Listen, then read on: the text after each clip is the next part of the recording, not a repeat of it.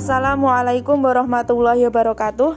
Perkenalkan nama saya Niken Yulia Citra, peserta Latsar CPNS Pemerintah Kabupaten Tulung Agung tahun 2021 angkatan 11 kelompok 3. Dalam rekaman Learning Journal hari ini, saya akan berbagi pengalaman belajar materi kedudukan dan peran PNS dalam NKRI yang saya peroleh secara sinkronus dengan tatap muka bersama Ibu Heni dan secara asinkronus yang saya peroleh dengan cara membaca dan memahami modul dan PPT yang ada di MOOC. Pengalaman belajar hari ini secara tatap muka atau Zoom meeting yang didampingi oleh Bu Heni seorang ASN harus mampu memahami kedudukan, peran, hak, dan kewajiban, dan kode etik ASN, konsep sistem merit dalam pengadaan ASN, dan pengelolaan ASN.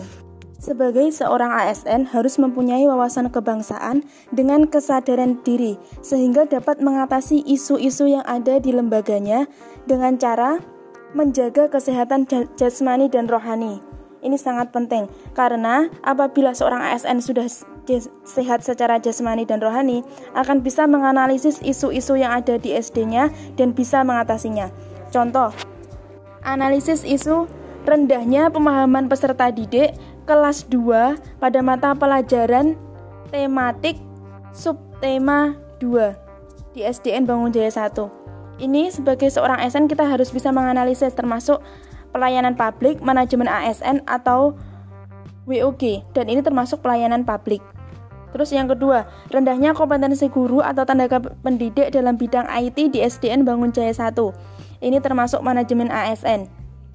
Dan contoh yang ketiga, kemampuan pendidik IT di SDN 1 Bangun Jaya 1 masih kurang. Sehingga nanti prosesnya atau cara mengatasinya dengan cara diadakan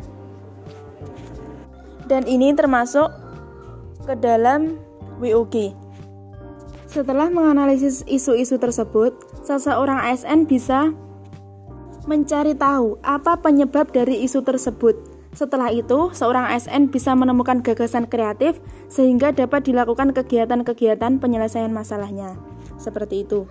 Sehingga manajemen ASN harus benar-benar dikuasai oleh ASN karena ini sebagai pondasi yang kuat sehingga seorang ASN mampu melayani publik dengan sangat memuaskan.